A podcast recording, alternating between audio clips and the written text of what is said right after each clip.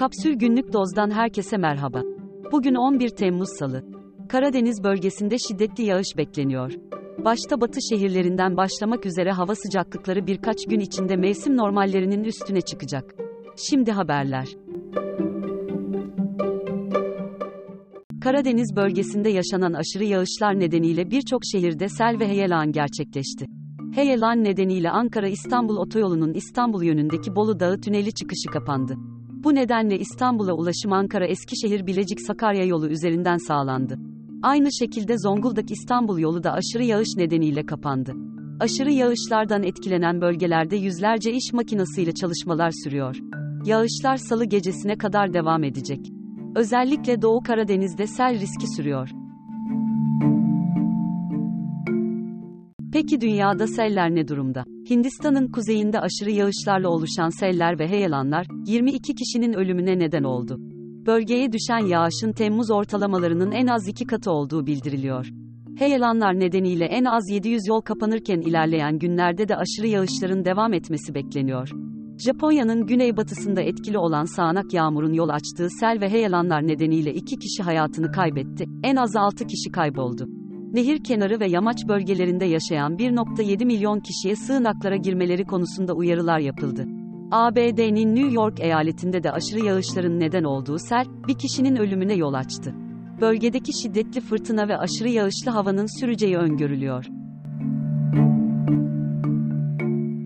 Cumhurbaşkanı Erdoğan'ın üçüncü kez aday olmasına itiraz eden ve kararı Yüksek Seçim Kurulu'na götüren Hakim Ahmet Çakmak'ın meslekten ihracı istendi. Hakimler ve Savcılar Kurulu, farklı gerekçelerle iki kez yer değiştirme cezası vermişti. Kararda Çakmak'ın, mesleğin şeref ve nüfuzunu ve şahsi onur ve saygınlığını yitirmesi gerekçe gösterildi.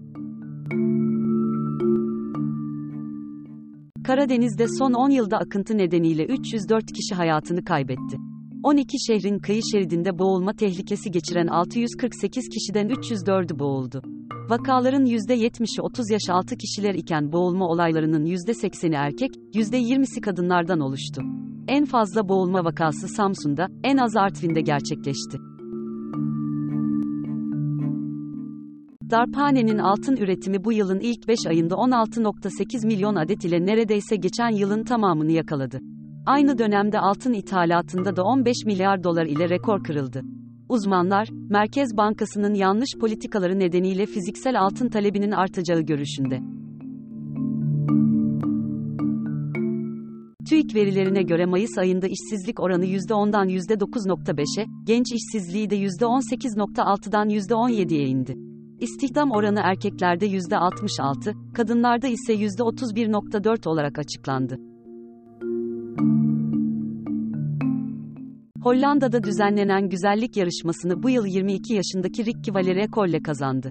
Kolle, ülke tarihinde güzellik yarışmasını kazanan ilk trans kadın oldu. Hollanda'da Başbakan Mark Rutte, koalisyon hükümetinin düşmesinin ardından aktif siyaseti bırakacağını duyurdu. Ülkede 13 yıldır başbakanlık görevini yürüten Rutte, 17 yıldır lideri olduğu Özgürlük ve Demokrasi için Halk Partisi'nden de ayrılacak.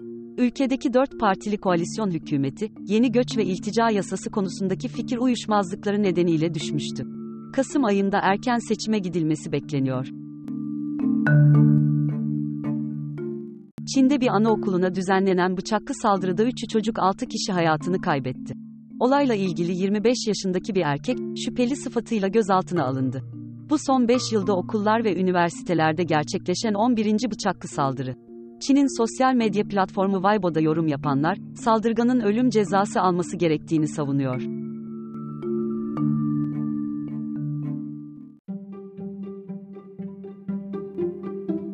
Daha fazlası için kapsül.com.tr adresini ziyaret edebilirsiniz.